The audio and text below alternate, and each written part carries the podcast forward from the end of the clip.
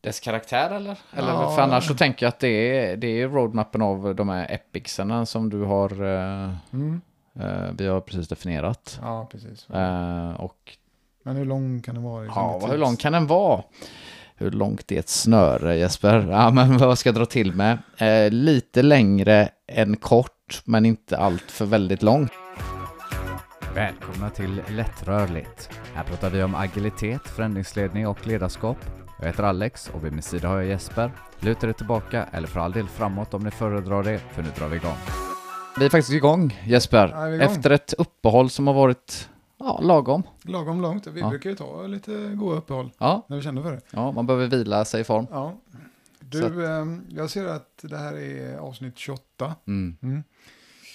Det, 28 vi frågat ju dig om primtal och grejer. Mm. Jag tänkte 28 är ett speciellt tal. Vet du vad det är för? Det är, man säger att just 28 är ett specialtal. Vet du vad det kallas ett sånt tal? Mm, intressant. Låt mig tänka. Mm.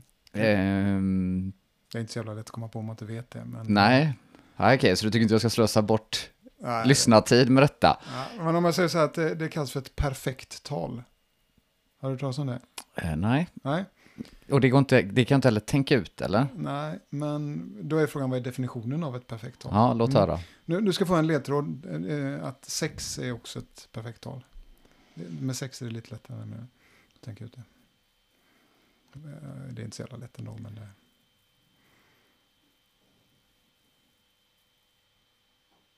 Eh, vänta, vänta, vänta, vänta, vänta, vänta. Det är delbart med två och tre, nej, två och fyra. Ja, jag vet inte då. Nej, alltså om du tar sex då så kan man kan dela den med två. Ja, och tre, Och tre. Mm. Och sig själv. ja, Och ett. ett. Ett, ja. Men om du lägger ihop ett plus två plus tre, Ah, då får du sex som är talet själv då. mm. Och det samma grej är med eh, 28. mhm. Så det är 14 och 7 och 4 och 2 och 1 eller något va? Mm. Eh, så. Eh, så det är definitionen av, eh, summan av talets divisorer är eh, talet själv. All right. How interesting. Ja, då vet vi det. Då blir det 29 nästa gång. Får vi se vad, vad du hittar på då. Ja, precis. Det får, finns oändligt eh, perfekta tal till nu. Men eh, det, det, nästa är ganska långt bort så vi får vänta Ja. på det. Ja, vad har hänt under det här ljudbreaket eh, Jesper då? Ja, en hel del olika saker. Mm. Jag tänkte prata om proteineffekten först. Ja.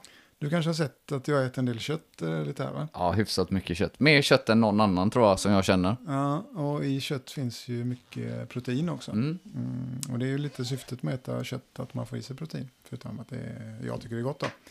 Men kom ihåg att vi pratade om han Peter Tia och vi pratade vid något tillfälle om sarkopeni och sådana saker. Ja.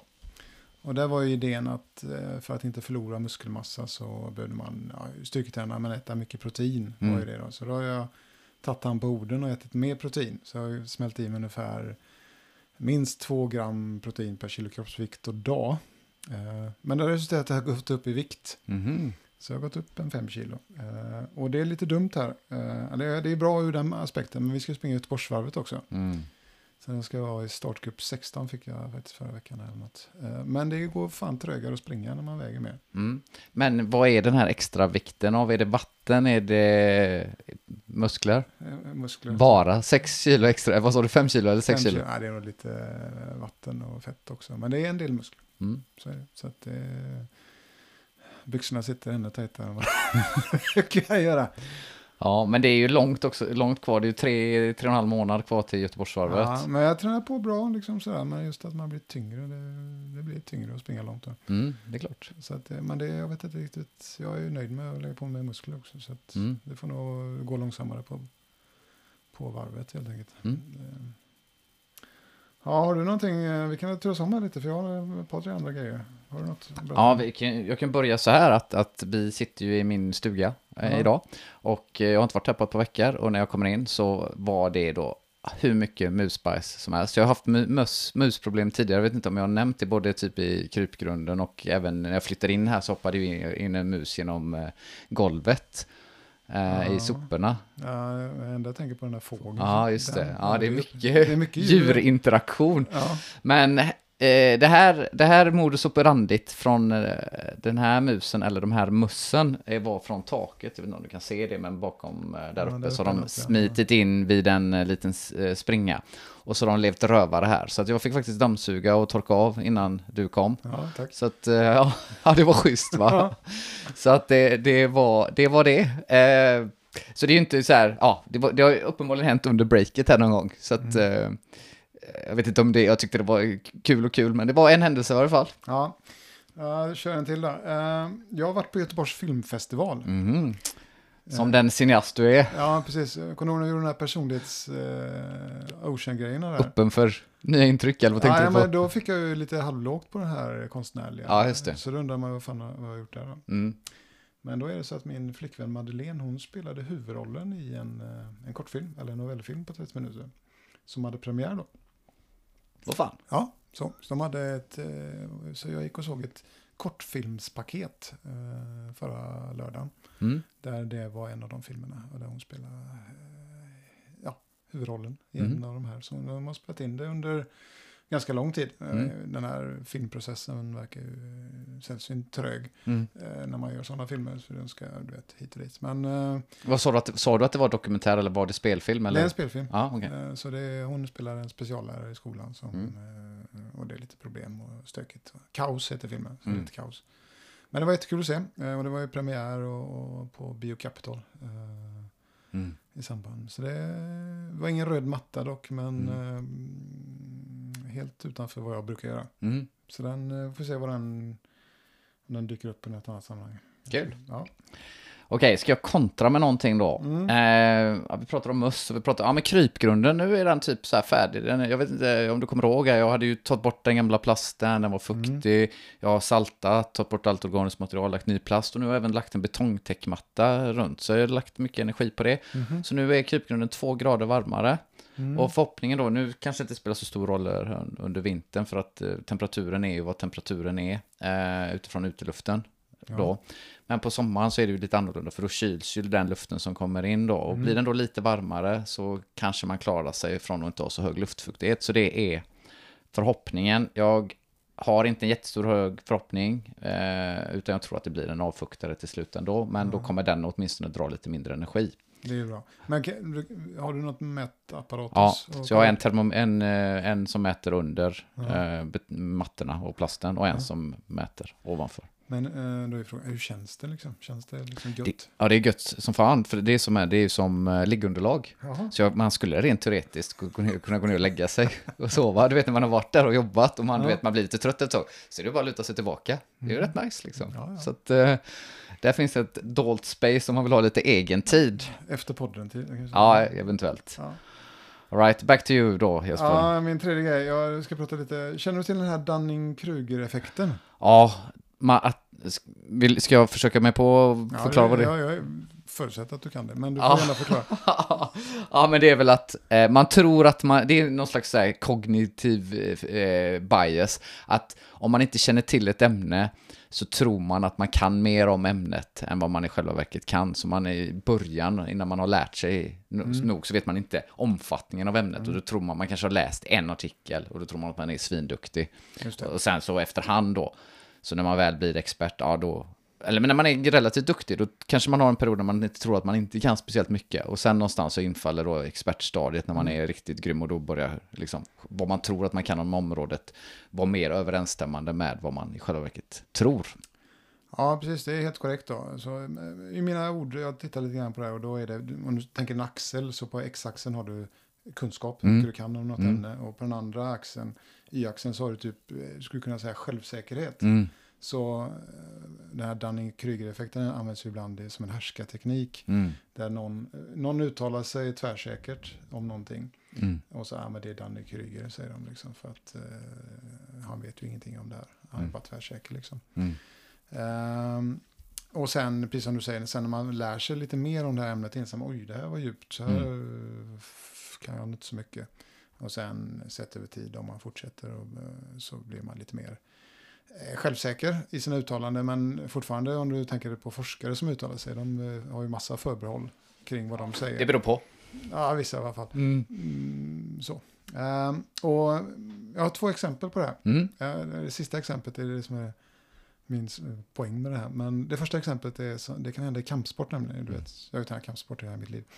Och eh, då kan man se att det ibland kommer in eh, nybörjare som är talangfulla. Mm. Och så är de duktiga i sin nybörjargrupp och kanske någon fortsättargrupp. Och så helt plötsligt man pratar om att "Ah, fan, jag ska bli proffs och jag är Mm. grym och jag kommer komma med i UFC och gå matcher och sådär. Eh, och är lite väl cocky. Mm. Och sen eh, flyttas de upp en grupp eller sådär och börjar sparras med klart bättre utövare. Och så inser de att oj, det här var mycket svårare än vad jag trodde. Mm. Eh, och så blir de väldigt osäkra. Och så kan det, många kanske sluta i det läget för att de fick sin, sin liksom, eh, blivit stukade där. Eh, men sen ju mer man tränar så blir man ju faktiskt bättre. Men så inser man att en fight is a fight, liksom, där allting kan hända. Eh, men det jag skulle egentligen komma till, du vet att vi har ju pratat lite eh, om ufon och grejer i podden här. Mm. Mm. Jag, jag har bara slått att när man pratar om ufo, då uppstår den här effekten också. Mhm. Därför det visar sig att, att eh, om man pratar om här, vissa, kan, kanske även du, Mm. eh, sådär, när man pratar så man så nej det där tror jag inte på. Mm. Eh, och så frågar man, "Eh, kan du någonting om det här? Nej, men jag tror inte på det. Mm. Och det skulle jag vilja säga att det är också Daniel Kryger-effekten Mhm. som slår till. Eh, där någon uttalar sig tvärsäkert att det här kan inte vara sant. Mm. Men jag vet ingenting om det. Ja, intressant. Håller du med om det? Eh, det kanske jag gör. Ja, kanske gör det. Kanske jag gör. Kanske gör det. Är Ja. bara en reflektion jag har. Vad sa du? Ja, men bra. Ja. Ja, men det är okej. Ja, men intressant eh, vinkling. Då gjorde du ett slag för eh, ufo-diskussionen. Ja, Här. det, var, det var så långt jag kom idag på den. Vi får ta upp den. Ja. Kände du att du, det var det du Mm. hade? Okej, men då har jag en sista grej och det är ju lite av en snackis just nu. Har du hört om det här eh, guldet och platinat som har hittats i en villa i Mölndal? Ja, det har jag faktiskt gjort. Jag har, jag har sett rubrikerna men jag har inte bemödat mig att läsa exakt vad eh, hantverkare, någon är död och Ja. hit och dit. Så- Then you are in luck. För nu tar jag detta lite snabbt, Ja. för jag tycker att det här är extremt eh, fascinerande. Då är det ju så här, de här, eh, det finns ju en, eh, en humortrio, eh, och två av dem, Carl Deman och Lukas Simonsson, har köpt en villa något år tillbaka i Mölndal. De ska renovera denna och hyra ut delar. Och då har de haft hantverkare där och när hantverkarna har varit där så har de hittat typ bakom, de hittade mögel, så bakom en, en, eh, en, eh, en hylla eller något liknande i väggen fanns då 11 kilo med guld och platina. Eller jag vet inte hur många det var 11 kilo, men det var 11 miljoners värde i varje Okej, fall. ja. Så de tog detta till polisen. Eh, och nu har det blivit en historia då att många gör anspråk på det här. Så hantverkarna gör anspråk på detta utifrån logiken att de betraktar det som hittegods. Och om ingen gör anspråk på det så, så tillfaller ju den som hittar det. Hittar du någonting ute i, i eh, Naturen, ja. naturen så, så tror jag att det är så att du, om du hittar någonting på någons mark så delar du med det med hälften om ingen, eh, eller om det finns någon. Annars så, om ingen gör anspråk på det så får du väl behålla det själv. Mm. Eh, eh, de här eh, Carl Deman och, Deman och Lu, eh, Lukas Simonsson, de gör anspråk på det eh, för att de eh, hävdar att det är i deras eh, hus. Mm. Eh, säljaren eh, gör ju eh, också anspråk på det. Eh, för att det är ju lös, det är ju inte fast egendom, utan det är ju lös egendom. På samma sätt som typ om, man tar, man, om jag glömmer en möbel Ja. när jag flyttar så, så eh, eh, är ju inte det, om du köper huset av mig så är inte möbeln per automatik di, din. Nej. Faktum är att du, du kan säga till mig, hämta din jävla möbel och Mm. så har jag 14 dagar på mig. Och så står det oftast i, i kontrakt, jag var tvungen att kolla mitt egna här, att, Mm. att eh, om det är så att jag inte hämtar den så har- du rätt att på min bekostnad avyttra det eller behålla det. Men det är ju just för de här fallen, eh, menar, det är ju en jävla skillnad på en sketen möbel eller du vet man landar, lämnar kvar någon, någon gammal eh, skit Mm. eh, än någonting som är värt 11 miljoner. Det är det. Eh, så att jag tänker då att säljaren har ett bättre case, men jag tror inte riktigt det stannar där, för det kan ju faktiskt vara så att, så här, det beror ju på, det finns ju dödsbo då, för han har ju ärvt det här från sin, sin mor, så egentligen kanske det är dödsboet som ska ha rätt till anspråket, och då vet man ju inte hur ser den arvstvisten, han, säljaren, kanske, ja, är enda eh, liksom arvingen ur dödsboet, så då är det ju lugnt, men kan de visa att det var deras, eller är det tidigare tidigare. Ja. tidigare husägare och kan man då få reda, ta, få tag på den här personen. till historien så sägs det då att det ska finnas en guldtacka med ett serienummer i, i säljarens eh, innehav som påvisar att det är i en följd så, så att det går liksom att hävda.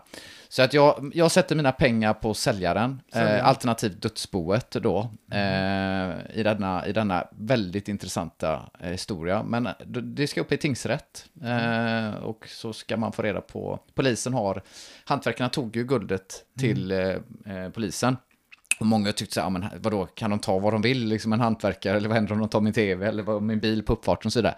Men de har väl betraktat det som ett hittegods, eller kanske som stöldgods och så vidare, så att det känns som en rimlig eh, hantering eh, av, av det hela. Ja, eh, uppdatering på det här framgent då. Ja. Möjligtvis. Ja, det, jävlar vilken soppa. Fan, Riktigt fascinerande. Och grejen är så här att jag bara tänker det här, liksom typ att det är ju helt fascinerande att hitta flera kilo eh, typ guld och platina i sitt hus. Mm. För jag menar, det enda jag har hittat i mitt hus, det är ju en flera kilo musbajs. Jag har köpt fel hus. ja, det verkar så. Ja. Bra, där är vi nog incheckade va? ja, det tror jag. Det tror jag. Perfekt.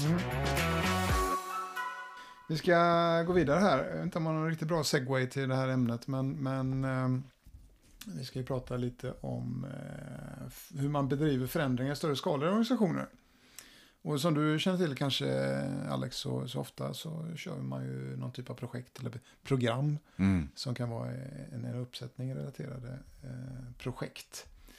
Eh, och jag vet ju att du har varit med i ett gäng projekt. Eh, men jag tänkte fråga dig lite om du har någon erfarenhet av projekt. Vad, vad, vad är bra med dem och Mm. vad kanske är mindre bra? På någon slags vet, övergripande nivå med ett projekt så är det bra för liksom, typ, att det finns en identitet och att det finns någonting att prata om. Att här är ett arbete som vi utför. Eh, så det, det är ju alltid bra, liksom, det ger någon slags eh, förståelse. Eh, sen är det ju ofta så här, du snackar lite om portfölj och misstänker att du kommer prata mer om det, så jag ska inte fördjupa mig för mycket i det där, men om man jobbar lite större organisationer så kan det ju vara väldigt många projekt som kommer från alla möjliga olika håll och man har många olika affärsenheter som kanske driver sina egna projekt och de vill komma åt samma människor i samma team i slutändan. Sånt är ju väldigt bökigt ofta. Eh, och då tycker jag att det, det, det är klurigt. Eh, en annan sak som jag har tänkt på eh, en del, det är att när man pratar om projekt så har man ju då någonting som heter projektmål. Det är vad projektet ska liksom leverera. Men man har också ett effektmål. Det vill säga, vi- vad är det liksom, den riktiga effekten av alla de här aktiviteterna som vi kan sätta en bock på. Av vad blev effekten ut? Och jag upplevt Jag att... bara, eh, vi har ju pratat om outcomes här. Ja. Och det är samma. Exakt, output, outcome. Ja. Mm. Och, och eh, man lägger för stor vikt vid projektmålen och framförallt när man har ett, kanske ett underprojekt, då är det lätt att man blir blind för vad, vad outcomen är och man kanske riskerar att suboptimera. Så det kan vara ett eh, problem. Eh, Västlänken är ju ett projekt. Ja. Eh, jag brukar säga att det är typ så här pot, att de är pot committed. Nu har de kommit så långt och de har plöjt ner så mycket pengar så att de tycker inte att de kan avsluta. Eh, och då finns det ju någonting, möjligt att vi har pratat om det innan, men det finns något som heter sunk cost fallacy. Jag tror Just att du det. har pratat om det. Ja. Att, eh, jag menar, från nu kommer det kosta en, en massa mer pengar. Så att eh, det är kanske ett felslut, liksom. Mm. Ja, vad mer? En sista grej. Mm. Eh, det här har du nu också du nämnt, men vattenmelonsprojekt är ju en, en, en grej. Eh, vad är det man brukar mena där? Alltså vattenmelonen är ju grön på utsidan. Ja, Och så är den röd inuti. ja, Och det är ju lite hur transparent kanske man som projektledare är. Ja. Och man signalerar att det går bra här. Och det är i allmänhet så på grund av att, att kulturen runt omkring en är, accepterar inga nej. Mm.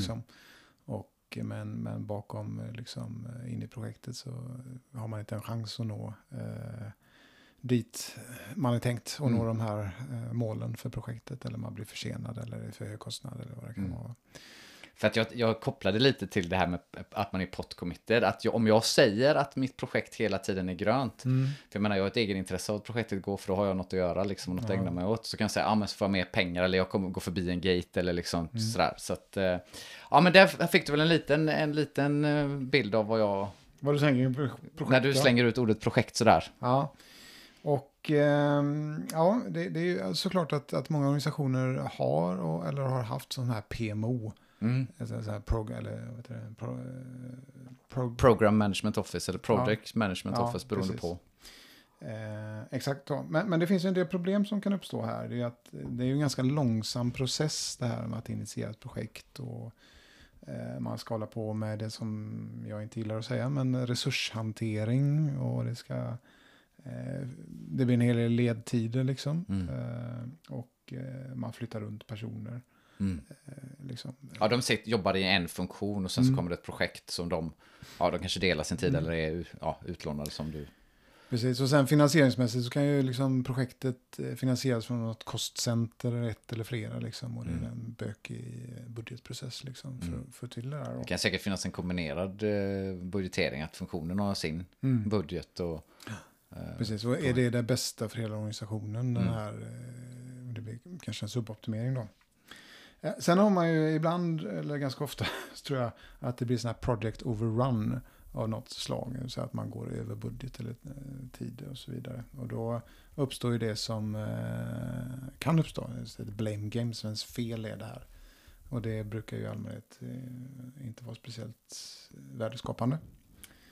Och man behöver ny budget och, problem och grejer. Sådär. Så att eh, då om man har alla de här problemen i en, en projektportfölj så tänker man, hmm, kan vi göra det här på något annat sätt? Så har du något annat, andra tankar eller erfarenheter man kan göra istället då? Mm. Eh, ja, jag har ju det. Eh, åtminstone liksom på något slags teoretiskt plan. Mm. Eh, för vi har ju jobbat, både du och jag, eh, tillsammans och Mm. var för sig i olika safe-kontexter. Just det. Och eh, då pratar man mycket att man ska, ett av eh, principerna där är ju att man ska organize around value, att man pratar om någonting som heter värdeströmmar. Jag misstänker att vi, vi är på väg lite åt det hållet här. Det är vi. Ja, och eh, då sätter man upp de här eh, liksom strukturerna i Safe, då man har ju de här artet, agile eller release train, då sätter man upp dem så att de ligger nära de stora eh, värdeströmmarna eller alignade med dem. Mhm. Och om man då liksom, det är som svar på din fråga då, då, då, här, då skulle man ju kunna finansiera detta och liksom göra en portfölj snarare utav sådana här värdeströmmar då. Mm. Och om du frågar om jag har jobbat i dem, så nej, för att jag har jobbat i kontexter där det har varit prat om det, men att det fortfarande har varit finansiering per department eller funktion. Mm. Och där även projekt har förekommit som en styrmodell dessutom. Ja, okej. Så det har inte varit liksom... Jag har blandat i ett lite. Nej, exakt, Ja, okej. exakt. Ja. Ja, men, men ja, jag är väl på det ganska bra där ändå. Att, att man, det man kan göra annorlunda, eller vad, vad, det vi kommer att prata om här, är hur, hur man kan göra annorlunda. Det är att man går ifrån den här organisationen där man har funktionella silos. Mm. Och med det menar jag att det här är liksom mjukvaruavdelningen och hårdvaruavdelningen och vad vet jag, säkerhetsavdelningen och, och business där borta. Och så, så skapar man värdeströmmar. Mm. Jag ska vi prata om vad en värdeström är alldeles strax då. Men, men, eh, och eh, att man slutar finansiera projekt utan istället finansiera de här värdeströmmarna då. Mm. Och man kan även skruva på sin budgetplanering.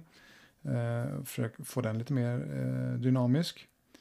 Och, och sen behöver man ju även, eh, nu vet när vi pratar om flow och sådana saker, att man eh, Ibland kan det hända i en organisation att man startar för många projekt Mm. i förhållande till hur många personer som kan utföra arbetet. Mm. Och så blir det liksom en project overload och så blir det Mm. ledtider och du vet, eh, folk bränner ut sig. Mm. Så man får matcha det här behovet man har med den kapaciteten man har också. Eh, så det behöver man göra. Eh, och och, ja, jobba lite med, med, med begränsade scope och eh, det man kallar för MVP, minimum viable product. Eh, För att försöka på något sätt, för som du var inne på, att det här med effektmålen och, och projektmål kräver ju att i allmänhet att man, eh, att, eller jag skulle säga att, att projektet kan vara ganska stort, men det är ju inte säkert, det är inte givet att man uppnår sina mål bara för att man har gjort allt arbete. Mm. Man kan ju ha tänkt fel. Eh, och det här själva MVP-tänket handlar, tänket handlar ju om lite grann att man ska validera sin tanke eh, så tidigt som möjligt så man inte hamnar i det här potholet Mm. som du pratar om också. Mm. Eh, Så det jag tänkte att vi skulle prata om idag är någonting som går under begreppet Lean Portfolio Management, Mhm. LPM Mm. förkortar vi det. Och det är ett strukturerat sätt att hantera sin portfölj. Och inte ha en så säga, projektportfölj.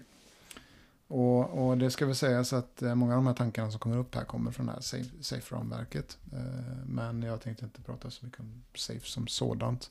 Utan mer kring eh, vad, vad är en portfölj och en värdeström och sådana saker. Mm. För det kan man använda alldeles oavsett om man jobbar med Safe eller inte. Just det. Låter det skoj eller? Riktigt kul Ja. faktiskt. Mm. Och, och eh, faktiskt också någonting som vi håller på med väldigt mycket på, på jobbet nu. Så det är relevant ur Mm. det perspektivet. Så att eh, det är bara att köra vidare Jesper.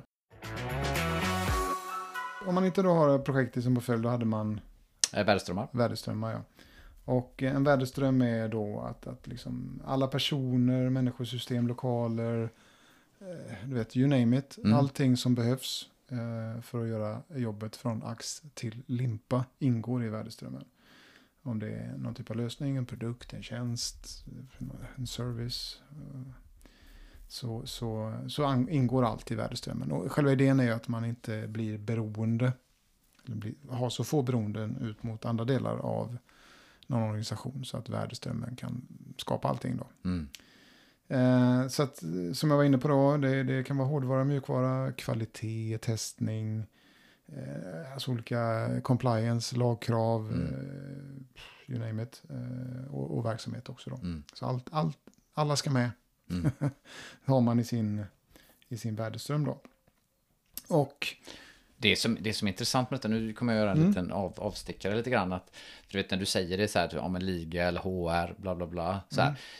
in, vid någon läge så kommer man komma till en pragmatisk situation där man, okej, ja, vi kommer inte kunna ha riktigt alla, utan vi kommer behöva liksom bryta av dem. Men jag tycker ändå tankeexperimentet är lite intressant. Eh, för det finns ju ett, ett, ett eh, holländskt bolag, ett eh, sjuksköterskebolag som har, som är liksom ett slags löst nätverk. Där de har varje team jobbar i sin egna värdeström, så de är, har, de är ju identiska. Så det kräver ju en identisk uppsättning av allting Mm. för att vara helt utan beroenden. just det. Eh, och det är ju inte, det är inte alltid det liksom är, är realistiskt att komma, men jag tycker det är bra att ha det, eh, liksom att, att kunna tänka på det. att, Okej, vad innebär det att inte ha några som helst beroende mellan sig och kunna bli helt själv, self-sufficient så att säga. Det är att du behöver ha rubb och stubb och Rubb och stubb då. Det ska vi säga så att när vi pratar i det här kontextet att man ska köra lean portfolio management med, med värdeströmmar, då, då pratar vi också, skulle jag säga, ganska stora värdeströmmar som innehåller mycket människor och, och, och allting liksom. Eh, och du kanske minns när vi pratade Unfix, där, där sa de att eh, alltså storleken, det kan vara en liten värdeström. Mm. Du vet, det kan vara en person som fixar allt Mm. liksom. Mm. Och det är också en värdeström. Mm. Men i det här sammanhanget så, så pratar vi nog ganska stora Ja, värdeströmmar. tyck- ja, men det är bra att du sa det, för att det, det, det finns ju en viktig liksom, eh, distinktion att göra. Att liksom, de här stora som ligger på liksom, bolagsnivå, ja, Mm. de har en hantering. Och sen behöver man se på de små värdeströmmarna, Mm. när du, som du sa, att, liksom, från någon slags signal till någon slags experience som, som Mm. eh, Appello snackade om där. Ja, den kan hanteras På ett, annat sätt, ja. Precis, man behöver inte ha en, en hel portfölj för det. Ehm, men, men fördelarna genom att engagera sig på det här är lite grann att man kan få sådana här långlivade, stabila team. Mm. Eh, som i grund och botten är en fördel som kan då bli produktiva över tid. Och Mm. att de, man kommer bort ifrån det här projektet att man flyttar runt människor. Utan man får jobba i sin värdeström. Och eh, då blir man mer produktiv och då lär man sig mer och Mm. kanske man är eh, snabbare. Liksom, den här agiliteten, eh, komma ut med sina produkter fortare. Eh, och det blir faktiskt också mycket enklare att, att hantera budget när man har eh, all, alltså man har all, all, all personal och alla lokaler och alla licenser på plats. Mm. Och så är det mer en fråga, ja nu är allting på plats, vad, vad ska vi göra då? Mm. Eh, istället för att man ska börja hantera det. Så då en portfölj, den innehåller, eh, vad innehåller den? Är det en eller flera värdeströmmar tror du är en portfölj? Mm. Det var nästan lite ledande, men jag skulle gissa på att det är flera. Ja, det är flera. Man Ja. får ha flera. Eh, Men det är värt att säga det, så man, man har flera. Eh, Och en, en organisation kan ha flera portföljer också, ska Mm. sägas. Så man inte får för många värdeströmmar i en portfölj. Så jag vet inte riktigt vad det är man snackar om. Men säg att en 3, 4, 5 värdeströmmar i en portfölj är väl kanske ett, en riktlinje. Och det jag tänkte prata om är hur tusan eh, ska man utveckla en portfölj liksom. Mm. Och eh, då eh, måste man ha en strategi på något sätt. Och jag tror att det börjar med organisationens strategi eller företaget, beroende på vad för typ av organisation man jobbar med. Mm. Man får börja titta på den och formulera någon typ av organisationsstrategi. Eh, och eh, jag vet inte om du har jobbat med det, men eh, finns det någonting som man brukar tänka på när det är... Ja, ja, precis, absolut. Nej, jättemycket kring det. Jag tror att detta är nog ett topic som jag tycker att du och jag ska eh, komma tillbaka till. För det är Mm. alltid, inte, inte alltid så lätt och jag är inte säker på att det kanske finns en... Ja, men det kanske finns någon slags kons- konsensus. Men jag ska inte babbla mer om det, utan eh, det finns ju några sådana här typ att man jobbar med vision, man jobbar med values, man jobbar med mission i någon mån, value drivers, value proposition, stakeholder outcomes.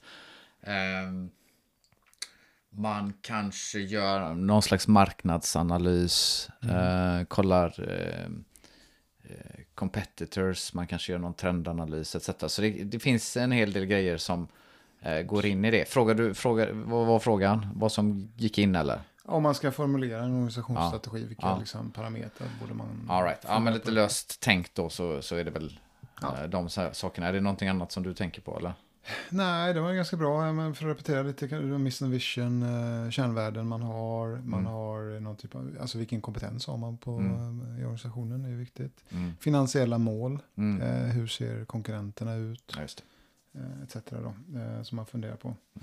Eh, och, och det här är ju någonting som man har som input. Alltså, tänk dig nu att vi ska skapa en portfölj och då vet vi i alla fall organisationens eh, strategi och det blir input då. Och eh, då funderar man, ja, okej, hur ska den här portföljen kunna realisera delar av strategin då? Mm. Och då funderar man på något som kallas för strategic themes eller strategiska teman och eh, portföljens budget. Mm. Så jag tänkte vi skulle prata om strategiska teman Mm. som nästa. Det blir, jag ska säga här att för er lyssnare, det blir en hel del ord. Och känner man Mm. inte till dem lite ska vi, vi försöka förklara dem en one by one. Mm. Men det blir en del sådana ord så att eh, förhoppningsvis hänger man med här. Mm. Så från Ja, vi ska göra vårt bästa i alla fall. Ja, så vi har pratat värdeströmmar, eh, portfölj och nu eh, strategiska teman. Mm. För att bara rekapitulera. Har du hört talas om dem? Vad är det för något? Absolut. Eh, Då skulle jag säga att det är, är typ affärsmål som ligger på den här portföljnivån. Mm. Och för att förklara det eh, så skulle det kunna vara, låt säga att, att du och jag har en bagerikedja lite större size ihop. Alltså, ja. ja. Det var en slakteri med. Men okej. ja, you wish, Ja. liksom. Ja, bageri. Löneförmån. Ja, Ja. nu är det i alla fall en bagerikedja. Och då skulle ett strategiskt tema kunna vara att ja, men vi ska ehm, eh, utöka till si och så många marknader, eh, tänker jag. Och vi, Mm. Ett annat strategiskt tema skulle vara att vi ska öka andelen återkommande kunder från en viss procent till en annan procent. Så tänker jag kring det. Känns det hyfsat Mm. Ja. eh, rätt på det? Precis, så det är någonting som kopplar ihop portföljen med organisationsstrategin, det här temat då, i det här Mm. fallet ba- bagerikedjan. Eh, så. Och det, det är tanken att det ska driva fram portföljen Mm. och, och eh, ge någonting som kallas en, en, en vision för portföljen. En portfolio vision pratar man om ibland, Mm. och som i sin tur leder till själva budgeten. Då. Eh, och en, en eh, portfolio, eh, en, port, en vision för portföljen, Mm. Den brukar man säga att, eller man brukar säga att själva innehållet i portföljen kan man dokumentera i någonting man kallar för en portfolio canvas. Mhm. En sån här canvas. Och det kommer från någonting som kallas för en business model canvas. Som är sån här, ett sätt som en lite större one-pager. Mm. Som... eh, Så helt enkelt en sida mm, där man har en massa fält där man fyller i saker. Mm. Så om just, alltså portfolio eh, vision canvas är ju mer eller mindre nästan likadan som en business model canvas Ja. om man googlar upp det på nätet. Och en business model canvas har ju då saker som key partners, key activities, value proposition, vilka relationer man har till kunder, vilka segment de här Mm. kunderna finns och lite annat. Precis, och vilka då värdeströmmar. eh, Just det. Och, eh, Och det är viktigt för en portfolio vision canvas då. Ja, precis. Mm. Och vilka produkter och eh, så, här, vilka kunder och kanaler och sådana saker. Mm. försöker man få ner där. Så att det blir, och det går ju i det här temat att det ska vara någorlunda enkelt och visuellt och så vidare. Det var inte som att det, det blir ett, ett hundrasidors Ja, just aff- det. affärsplan. får typ liksom. plats på en A4. Det Mm. kanske är lite bättre med, med ett A3, men det, ska liksom, det är den sizen. Mm.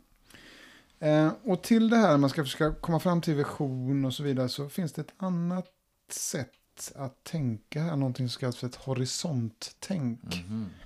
Eh, där man försöker investera i sin portfölj per horisont. Har du hört talas om de här horisonterna? Ja, det där känns ju inte riktigt bekant, men jag slänger ut en gissning ändå. Mm. Jag misstänker att det har lite grann med kanske typ något slags livscykelperspektiv på de produkterna som befinner sig i värdeströmmarna. Mm. Eh, om det är liksom något som vi har haft länge eller något som vi eh, håller på att bygga upp. Ja, precis. Det är en, det är en tidshorisont skulle Mm. jag säga då. Och eh, då brukar man, den, jag undrar när den kommer från McKinsey eller något sånt där. Eh, tror jag det är. Men, men eh, då brukar man prata om horisont eh, 0 till 3. Och där horisont 0 det är liksom produkter och tjänster som, eh, som ska gå ur bruk. Mm. Liksom. Om du tänker tillbaka på, vad heter den där, iPodden. Mm, Den har gått ur bruk. Mm, Då kommer ju liksom iPhonen och ersätter den, Mm. vill jag minnas. mm. Eh, så det är ett exempel på, och, och eh, kanske det finns eh, vissa, om man har ett bolag där det sitter några pensionärer och kodar i COBOL någonstans, Mm. så har man säkert ett, ett system som man borde de, kom, ta ur bruk och ersätta med ett nytt. Mm. Och det är, men även om de står och snurrar där så Mm. kommer de kosta pengar Mm. tills dess man tar bort den. Och då måste man ju hålla dem vid liv. Och då investerar man i horisont noll Mm. lite grann. Nu vet jag inte varför du sa just pensionärer, men det är väl de enda som kan det här fortfarande. Men de jobbar ju i den värdeströmmen då. Ja. Ja, det är en lite rolig historia när jag jobbade på det här lite större eh, bolaget som, som eh, du också jobbat på. Eller jobb, eh, sådär. Mm. Så, så var vi på ett ställe, i ett, då skulle vi byta kontor. Mm. Och så var det några nya som skulle komma där. Och då kom det tre, fyra pensionärer just. I riktigt, liksom. Eh, Och det var liksom mainframe-gubbarna Mm. liksom, eh, som skulle sitta där. Det var, det var- Helt ovärderliga, förmodligen. Ja, ja säkert. De tjänade säkert jättemycket pengar. För att det var ingen som kunde det där. Eh, så då får man hålla dem vid liv. Medan då Horisont 1 är lite mer de... de Det var morbid humor där, jag kunde inte hålla mig för skratt. Men, ja. Det är de, eh, de eh, alltså lite moderna tjänster som, alltså det man tjänar pengar på nu, här och nu. Mm. Eh, och det är väl core business då. Medan Horisont 2, det är sånt som inom kort kommer bli core Mm. business.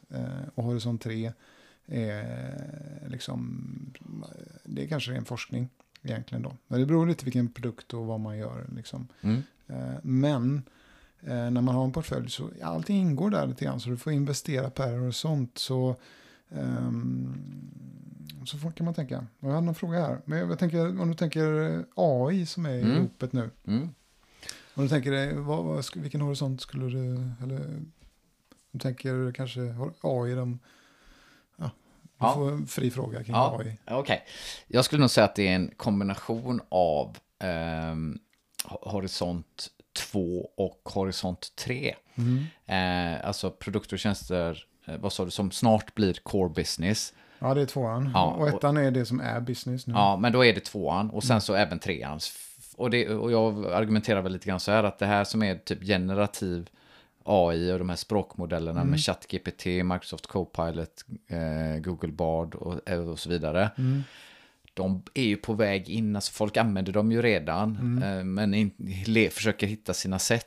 Eh, så, så det är på väg att bli en, en, en core business. Sen misstänker jag att det finns en massa andra typer av artificiell intelligens och ma- machine learning och what not som man fortfarande forska på. Precis. Eh, så det är väl det jag tänker på. Jag hade en annan grej jag tänkte på. Får jag dra den också innan Ja, du? jag kommer tänka på en annan grej. Men Ja, kör du. jag först. Ja. Jag, jag först. Ja.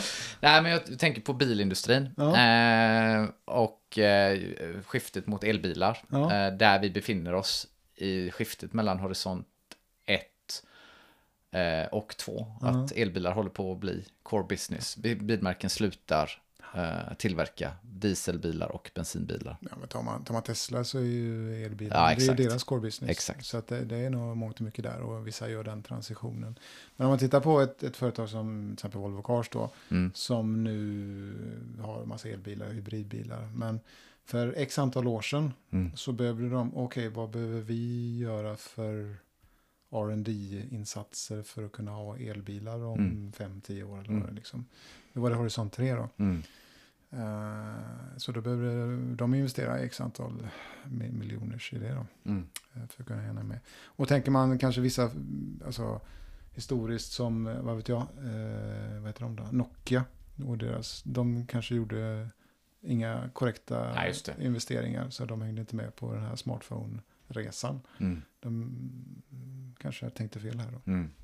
Men det var egentligen det jag tänkte på. Kommer du ihåg den här Thunderstorm Generator jag pratade om? Ja, just det. Ja, vad fan var det? Eh, det var det här, det var någonting med plasma och det var Ja. någonting med bakavvänd, eh, man kunde generera ström på något Ja, sätt. implosion och grejer. Ja, vad hände med den? Liksom, Ja, den har jag förväntat mig en uppföljning på. Ja, men det, jag har hört lite om den, men det går lite... Jag inte så jävla mycket mer än att den har fått den att funka lite mer. Ja, Men jag tror att det är en sån här typisk Horizon 3-grej. ja okej. Kanske fyra rent av. Ja, all right. Men det finns inte. Eh, så, det är olika, så i sin portfölj så behöver man investera per horisont. Mm. Eh, och det är väl egentligen det min poäng med det då.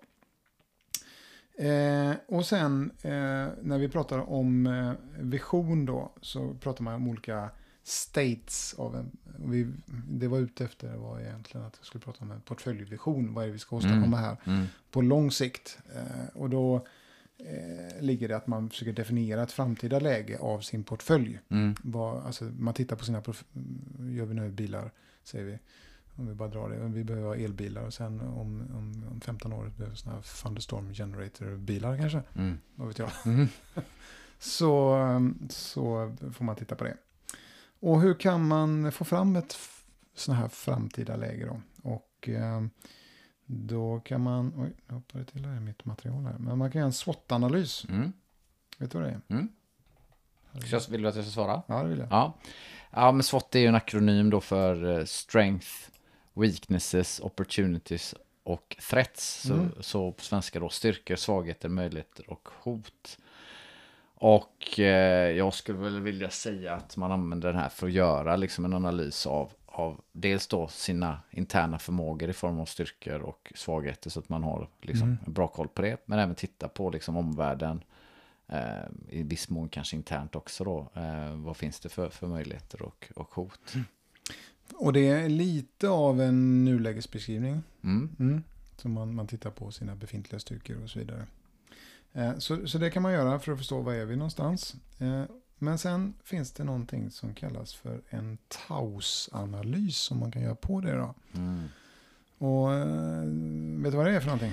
Jag- vet teoretiskt vad det är, Mm. jag har aldrig gjort det. Eh, så jag kan väl ge min take på vad jag, så jag är inte helt hundra, jag tror att det är, för det var som jag sa, att det är två förmågeperspektiv och sen så är det de här två omvärldsperspektiven.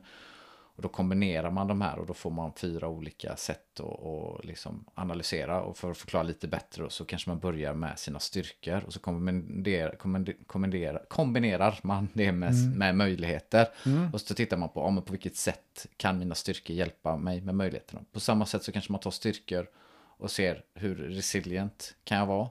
Vi kopplar ihop det med hot. Mm. Och så gör jag likadant med svagheter. Eh, men du får ju faktiskt gärna lägga ut orden lite mer. För det här är bara någonting jag känner till, du vet, på ytan. Ja, eh, det är lite samma för mig. Fast jag har faktiskt grävt lite i den här Ja. det senaste. För att jag var sur att jag inte riktigt har fattat hur det går till. Mm. Eh, Men eh, du har helt rätt i. Men- att man tittar på, man, börjar med, man gör sin SWOT och sen utifrån den så tittar man på till exempel styrkor och strength for opportunities Mm. och sådär. Så tittar man på vad har vi listat här. Så uppstår frågan, men vad ska vi göra då Mm. inom det här området? Vi har de här styrkorna, vi har de här möjligheterna. Så, så eh, nu drar jag till här fickan. Tänk om vi, vi ska göra en Taus-analys på vår podd här. Mm. Ja, vad är styrkor? Ja, det är ju du och jag. Mm. Ja. Mm. Och vad är möjligheten? Ja, det är klart att det finns möjligheter att sprida den här podden över eh, hela, eh, hela Sverige i alla fall. Mm. Mm. Mm. Men för, det, och för att det ska hända, vad ska vi göra då Mm. som vi inte gör idag? Mm. För du vet, vi har future state av våran Mm. podd liksom. Mm. Eh. Okej, så att man skulle, om vi drar lite längre då, så bara leker lite med tanken. Mm. Så här, styrkor skulle kunna vara att ja, men vi har styrkor att vi är sociala och att vi har ett stort nätverk. Mhm. Mm. Möjligheter eh, är att, att vi skulle kunna sprida podden. Mm. Och då skulle man kunna tänka sig att ja, men eftersom vi ändå är sociala så skulle vi kunna ja, men kanske bjuda in en gäst. Eventuellt. Mhm. Ja, det är en På, aktivitet. på, va? så, så. så lite åt, åt det hållet då. Mm. Mm. Precis, och så kombinerar man de här eh, styrkor och hot, eh, svagheter och möjligheter och, och, och svagheter och hot. Då. Mm. Sådär, till exempel eh, en svaghet är ju att ibland så sitter vi i en studio med, med det musbajs liksom. Ja. Hur ska vi komma Mm. runt det? det är hot där vi blir sjuka liksom. ja, just det. Ja, förhoppningsvis så förstår ni lyssnare. Det hade varit intressant, för- faktum är att det hade varit intressant att se liksom hur, hur bra det här är i en verklig Mm. mm. setup. På pappret verkar det intressant. Ja. Eh, om det är lätt eller svårt också. Ja, men givet att, och det ska bli en aktiviteter, och i den här portföljvärlden då, eh, med Lean Portfolio Management, de Mm. här aktiviteterna utmynnar i någonting man kallar för EPICS, Mm. som är eh, själva det som behöver implementeras för att förverkliga sin portföljvision. Då. Just det. Eh, så. Och- det är många ord här och det är kanske... Ja, det är ju Epic som är nästa ord då. Ja, EPICS är nästa ord. Ska vi bara gräva i det eller? Ja, vad är det för något? Ja. Eh, och nu, är, nu snackar vi lite utifrån eh, safe-världen. Det som jag har Mm. med mig därifrån kan jag slänga Mm. upp nu eller? Precis, och då vill jag sätta kontexten, då kan vi prata om portfölj-EPICS i det här Ja, fallet. all right. För det finns ju en Epics i Scrum-världen också. Ja. är den- lite lurigt, hittar man i Gira ska man hitta en Ja. sån här issue-type som Epic och så... Ja, just det. Kaos. Men okej, men nu testar jag lite då så får du rätta efterhand här. Mhm. Eh, så, så nu kommer, jag, nu kommer jag förmodligen säga någonting som du, eller kanske är bra att jag säger det, men du kommer, du, jag, jag tycker inte så här och du kommer inte gilla att jag säger det. Men när jag pratar med eh, till exempel min sambo hemma så Jaha. brukar jag säga att, så här, om jag inte orkar så brukar jag säga att Epic är som en, ett projekt fast ändå inte, Mm. brukar jag säga. Mm. Bara för att jag, så här, jag vill inte prata mer, utan jag vill bara säga liksom. Så en Epic är egentligen typ ett större initiativ. Mm. Eh, och går i en väderström eller eventuellt i flera väderströmmar. Och Jag, portfölj-Epic går nog över flera väderströmmar Ja, oftast. Va? korrekt. Bra, Mm. bra det, får du poäng för. Ja, och sen så går den, eh, ja men den är över längre tid. Det finns Mm. liksom ingen eh, riktig tidshorisont att man Nej. ska uppnå någon, något visst på, eh, Nej, det finns inget absolut slut. nej, Det utan det finns ju en, kanske en maintenance-fas om, Mm. det, om det innehåller någonting där. Eller man, man pröjsar så länge man tycker att man får värde ut av den. Exakt. Ja. Ehm, ehm, ja, vad är skillnaden också då? Ehm, eh, ja, men man har väl kanske någon ägare och man kanske... ehm, ehm, ja, du kanske tar över här. För där tog det slut, där tog det slut lite. Ja, Eh, men så mitt svar är som ett projekt fast ändå inte. Ja, okej, ja. Ehm, Ja, det är för dåligt egentligen. Har jag klarat mig igenom den här safe-kursen? Det kan man verkligen fråga sig. Men du hade rätt i att det är ett större utvecklingsinitiativ av Ja. den här produkten, tjänsten, eh, servicen man har. Då. Man ska göra en större insats där. Mm. eh, Som ska då förflytta portföljen Mm. eh, efter man har gjort de här analyserna. Och man har, även om vi inte pratar i- ihjäl oss, man har en vision varför Mm. vi ska nå dit och sätta de här Thunderstorm Generator på plats. Mm. Och vad behöver vi göra då? Och då skapar man en sån Epic. Och den, precis som du sa, att den går tvärs flera väderströmmar. Eh, och förhoppningsvis då med lite flyt att det är de väderströmmarna man har i sin portfölj. Mm. Eh, är bra för dem. Man kanske konfigurerar sin portfölj någorlunda bra. Eh, och den tar ganska lång tid då. Och där kan man jobba inkrementellt om man har kanske flera sådana inkrement eller vad man väljer att Mm. kalla dem då. Och sen försöker man definiera ett, ett så kallat lean business case. Mm. Det är liksom, man får räkna lite på det. Mm. Man försöker definiera något som ska vara en MVP, en minimum viable product, alltså minsta eh, typen av, av lösning som, som ger något värde eller som kan validera att det här är en grym idé. Mm. En Epic Owner. Och sen har man, även utan att prata med den här Lean Portfolio Management-funktionen, har ju faktiskt människor som jobbar där. Det, som någon slags governance Det är utav... någon governance och de Mm. får säga check, vi ska Mm. göra det här. Mm. Så det är ändå någon, någon governance där. Eh, Men Epic är inte projekt. Eh, Istället har man någonting som kallas för, det är svårt att säga då, men jag har lärt mig, Mm. Epic Hypothesis Statement. Mm. Eh, Som då ska, är ett typ av value statement, vilket, vilket värde den ska ge och vilka sådana här outcomes. Du pratade om effektmål förut. Mm.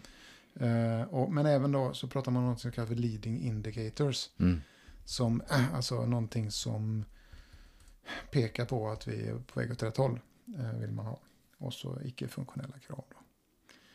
Eh, och så det här business-caset då. Jag ska inte dra allting i det här. Men man försöker använda sig av lean startup. Mm. eh, Som är kanske en hel podd i sig själv. Men, men där handlar det om att validera den här hypotesen man har. Just det. Och, och valideras inte den då så får man göra en sån här pivot, får man tänka om lite. Aha, Just det. Vi gör på ett annat sätt att testa och så vidare. Eller så eh, får man en validering och så börjar man då bygga, bygga på sin eh, Epic. Och det var, men det var tillbaka till det jag började med lite, att man har inte oändligt med, med personer som kan bygga eller kapacitet. Så i någonstans så kommer till slut någon annan Epic som eh, har högre värde. Mm. Och då slutar man bygga på um, den epicen man höll på med då. Mm. Portföljepiken, Ja. den består, det är en ganska stor grej som består av x antal olika saker som man försöker definiera. Som man sen börjar med implementera. Eh, så det är en epic. Eh, och eh, sen vill man ju ha en väg till sin vision. Mhm. Vad tror du det kallas? Är det en roadmap? Ja, precis. Mm. Det är en väg då. Vi pratade om roadmaps för inte så länge sedan för mig. Jag sa ju att det var ett vägnät och du pratade om de här tjocka och tunna planerna vill jag minnas. Ja, just det. du Mm. I något annat avsnitt här. Ja. Eh, men en portfolio roadmap, vet vet du vad det är då? Eller hur den var? Dess karaktär eller? Eller Ja. för annars så tänker jag att det är, det är roadmappen av de här epicsarna som du har, eh, Mm. eh, vi har precis definierat. Ja, precis. Eh, och Men hur lång kan den vara? liksom, ja, i hur lång kan den vara? Hur långt är ett snöre Jesper? Ja, men vad ska jag dra till med? Eh, lite längre än kort, men inte allt för väldigt långt. Så ett till två till tre år kanske, men inte fem. Inte fem? Nej. Nej, och Ja. inte kortare än ett. Nej, inte kortare än ett. Där någonstans. Ja, ett, två, tre. Eh, Ja. Okej, ja. Fair. Och den visar de här värdeströmmarna också då, eller? Det gör den va? Det är ju rimligt. Mm.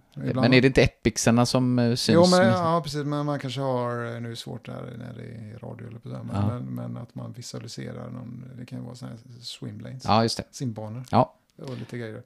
Eh, och man har milestones och, och det kan vara eh, sådana här, eh, Händelser som sker under, typ, Mm. så vi har en release eller det är ja, ett eh, pressevent. ja, eller Black Friday eller något Ja, sånt här. exakt. Eh, och- Eller kanske, vad vet jag, här har den här bilmässan i Genève eller något va? Mm. som är, eh, sker varje år. Som vi behöver ta hänsyn till. Så där, eh, men du har rätt att, att man, eh, portföljer roadmappen, den fyller man med Epic och, och lägger ut och då ska man nå sin portföljvision efter den här analysmodellen. Just alldeles. Så, så hänger det ihop. Så.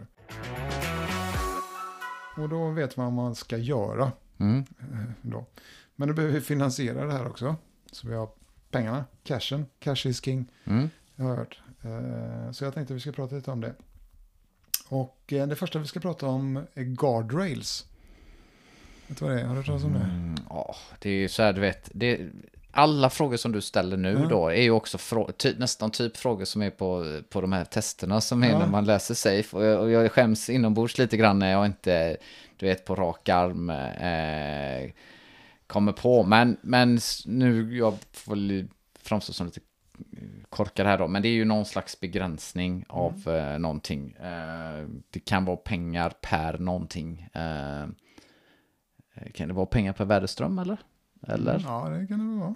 Eh, eh, och vad kan det vara mer? Någon annan begränsning? Ja, men det kanske finns... Så här, det beror på, lite på hur... Jag har inte riktigt klart för mig, men, men det kan också vara eh, mängden eh, personer som kan... Eh, Om du tänker så här, du ska finansiera och så guardrails på, på svenska blir typ räcken. ja, Så att du inte eh, går bort dig liksom.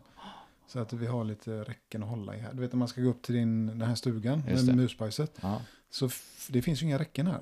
Så Nej, du kan ju trilla ner och hamna i krypgrunden. du otur. Så du har inga sådana räcken här. Eh, Men här försöker man ha på sin portfölj då. mm, Eh, Så ett sånt här räck är att man gör investeringar per de här horisonterna. Mm. Så man ser till att man inte blir som Nokia och glömmer av en horisont. Ah, då var jag med. Ja, Ja. så, så det är ett sätt att göra det. Mm. Och sen eh, så kan man fundera på mm, hur man ska allokera eh, pengar eller kapacitet. Mm. För ibland så behöver du eh, investera i infrastruktur. eh, Och ibland behöver du liksom bygga coola features. Mm. Och i, i allmänhet så tycker alla att coola features eller saker som är grymma, att det ska vi lägga. Men så finns den här backend-delen med, vad vet jag, eh, moln, eh, datalagring, jada jada, som Mm. kostar mycket pengar. Mm. Och det måste vi också investera i, så Mm. att du liksom har en fair investeringsplan. Mm. Eh, Så du har lite olika burkar du lägger pengarna i. Eh, Så det är ett, ett sätt att ha en guardrail. Ett annat sånt här, det var den här LPM-funktionen som godkänner Epic. Så Mm. vad som helst blir inte godkänt. Mm. Eh, Så man har en governance. eh, Och sen har man, man tänker, ibland pratar man business owners som, eh, som eh, liksom får organisationen att förstå vad som är viktigt. Mm. Ett, jag har inte pratat om det, men ett problem som kanske är... Du har sett att, att hur kopplar man ihop strategi med exekvering? Mm. Att ibland kan jag se att det finns jättefina strategier Mm. och så sitter människor någonstans i team och, och gör något annat. Mm. Och så finns det ingen koppling däremellan. Mm. Har du sett det? Mm. Ja, Många gånger. många gånger. Mm. Och det är att de här guardrails, om man pratar om business owners, ska få det här att sitta ihop. Mm. De är liksom limmet. Så vi gör rätt grejer. Mm. Och det kan man väl säga, jag är lite förvånad att jag inte sagt det än, men att det här LPM-funktionen, en, liksom, ett huvudsyfte är att koppla ihop strategi med exekvering här. Mm. Så vi gör rätt saker och att alla förstår vilket värde de här stora initiativen har och värdeströmmarna och så vidare. Det. Eh, Så det, det Så via, via eh, strategi, strategiskt tema, eh, epics och så hela kontexten så Mm. börjar man landa i någonting. När man bara kanske bryter ner epics då till. till features och Ja. stories och sådana Ja. saker i olika teams backloggar vad de, Mm. de ska göra. Men det ska ju, det ska ju sitta ihop Mm. På något sätt. Det är ju klart att, att ett team ska inte bli helt styrt av, ska jag, ibland, jag har pratat om liksom självgående autonoma team som Mm. har eh, någonting. Men ibland sitter de i en större kontext Mm. och då får de ju viss del av sitt arbete från någon strategisk Mm. eh, håll. Och det är ju det här hållet vi pratar om nu då. Mm. Eh, så att det hänger ihop. Eh, så det är ju en guardrail så att saker och ting sitter ihop. Så det behöver vi ha på plats så att de så att säga, finanserna vi har att de ger någon effekt. Att vi inte lägger dem på fel stället. Sen finns det i det här materialet ett, ett special, eh, specialsätt eh, att budgetera. Mhm. Som heter Participatory Budgeting på engelska. Mm. Eller jag vet inte fan vad det blir på svenska. Men deltagande budgetering kanske. Mm. Har du hört talas om det? Nej. Nej. Eh, det har jag faktiskt. Eh, och det kommer i huvudsak... Är detta med i Safe by the way? Jag måste bara fråga det. Ja, det är det. Okej. Och de Då har jag hört om det. Ja, men det är relativt nytt ändå. Men inte lagt det på Eh, minnet. nej, men det kommer från, från, vad heter det? från Amerikat, Mm. jag säga. Där man i olika sådana här, jag vet inte om man säger countyn eller så. Mm. Där medborgarna Mm. får komma till stadshuset, Mm. eller rådhuset eller vad man kallar det där. Och så bjuder man in lite folk från olika delar och så får de fundera på okej hur mycket pengar ska vi lägga på sjukvård? Hur mycket pengar ska vi lägga på eh, trottoarer? Och hur mycket ska brandkåren ha och polisen och sådana saker? Mm. Eh, så sitter alla med, lite som, eh, ska jag förklara det, monopol. Mm. Du har lite låtsaspengar, Mm. lite grann. Och så eh, sitter vi i en ring så här och säger, hur mycket vill ni lägga på brandkåren? Mm. Ja, så tjuff, lägger, några, lägger vi lite pengar där och sen visar det sig, ja. Så, men du har inte, du har inte mer pengar, du kan inte lägga liksom alla pengar på allt. Mm. Utan det blir en, en deltagande, alltså participatory Mm. budgeting. Mm. Så det blir liksom en, en, man försöker budgetera från flera olika perspektiv. Därför, om du minns det i början här så pratade jag om att det fanns kostcenters Mm. och eh, någon har en pengapåse. Och med den här pengapåsen så vill han att du gör något specifikt som är bra för honom. Men nu har vi en gemensam pengapåse här i vår portfölj. Det är ingen som äger, vi har inte liksom flera kostnader utan eh, portföljen har en pengapåse. Och nu är frågan, hur ska vi fördela den? Och då har vi i tanken med den här deltagande budgeteringen att vi tar in olika perspektiv. Så det är liksom nästan som vi har gjort sån här PR-planning. Mm. Eh, Det är lite åt det hållet liksom. Fast nu ska vi sätta budget här. Där man sitter och ger eh, kanske pengar per epic då. Mm. Vilken ska vi satsa på? Mm. Eh, så så är, är det tanken med det. Att det är en, en typ av demokratisk process minsann. Mm. Eh, som man föreslår här. Och faktum är att jag har hört att det finns åtminstone ett bolag här i stan Mhm. som har testat det. Eh, så det är lite intressant. Eh, Med gott resultat eller? Det jag hörde att det här, eh, typ så här att, att det här var ju förjävligt jobbigt men det är väldigt bra. För Mm. nu vet allihop Mm. var pengarna går. Mm. Ungefär så. Mm. Eh, Och, och kanske någon som fick bestämma helt själv innan men eh, visste ingen varför, varför det blev på det sättet. Ja, just det. Eh, Så. Spännande. Ja, så det är deltagande budget eller participant, det är svårt att säga.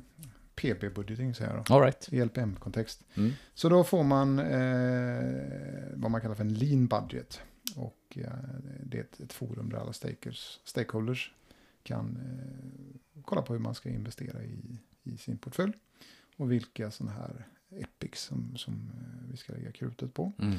Och den här eh, brukar man säga att det kanske man har två gånger om året, en sån här Mhm. session.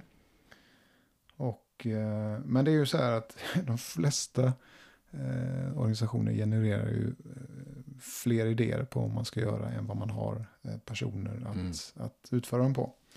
Så därför måste man ju prioritera. Vi ska prata lite om prioritering här längre fram Mm. också. Så så funkar den. Jag har aldrig varit med på en sån här själv, Mm. men det skulle vara jävla kul. Ja, en, nu dök upp en annan tanke. Ja. Ehm, du vet ju när man håller på med, med kanban och man eh, pratar också att liksom kan, man kan kombinera kanban-metodik med scrum-metodik. Mhm. Och så finns det ju ett, ett, en grej som jag tror vi pratade om i avsnittet om flow. Eh, VIP-limit, Mm. work in progress limit. Mhm. Och jag har alltid tyckt att ah, men det är så fruktansvärt utmanande för framförallt så pratar man om VIP-limit på teamnivå. Mm. Och när man är liksom, i en stor så här, konstellation, vi pratar om problematiken med att det kommer massa saker från massa olika håll. Nu slänger jag ut med en idé här, men här tycker jag att om man har en sån här setup, det är egentligen första gången det på riktigt känns meningsfullt att prata om VIP-limit. Men då pratar vi om li- VIP-limit också på en väldigt hög nivå. Mm. Det vill säga att nu tar vi en limit på hur många epics vi gör. Eh, för att jag har aldrig varit i, jag har aldrig varit på ett sånt ett litet bolag än, där det har någon, spelar någon roll om ett team säger att de håller på med en, eller det har en större betydelse om huruvida ett team säger att de håller på med en VIP-limit eller inte. För det är hela tiden att det bara trycks och trycks och trycks eller Mm. ja, omständigheterna är som de är så att det ger, det ger ganska lite annat än att de får en förståelse på att de ska slutföra arbete. Men oftast brukar det fastna massa arbete som är beroende på massa annat. Där. Så att den har väldigt liten effekt. Men Ja. här har den väldigt stor effekt om man lyckas få till det. Om man lyckas få till det. Så det du beskriver är egentligen att du har sett organisationer som eh, har eh, ganska många strategiska initiativ som Mm. pågår samtidigt. Men som inte har någon inbördes synk mellan varandra. Och de i någon mån kannibaliserar Yes. på personerna som ska göra det. Ja. Det har jag också sett. Så att man startar en hel massa saker men man undrar vad händer med den grejen och Mm. varför blir inte det klart? Mm. Och det är precis den här att, att det är för mycket igång, grejer igång samtidigt. Mm. Och det, det är ett syfte med den här LPM-funktionen, vilket vi kommer till om en liten stund här. Mm. All right. Att man försöker liksom, eh, när man väl har budgeterat och finansierat och alltihop så, så ska man ju eh, visualisera de Mm. här sakerna och, och skapa ett flöde. Och då är ju VIP-limit en väldigt viktig aspekt. Mm. Så där eh, är du lite före Mm. eh, materialet. För en gångs skull. Ja. Kul. Så vi pratar om deltagande budgetering Mm. och eh, lite saker om det. Ja. Eh, och de här, de här värdeströmsbudgetarna då, de justerar man över tid också. Mm. Eh, för det är normalt sett brukar man säga kanske ett par gånger per år.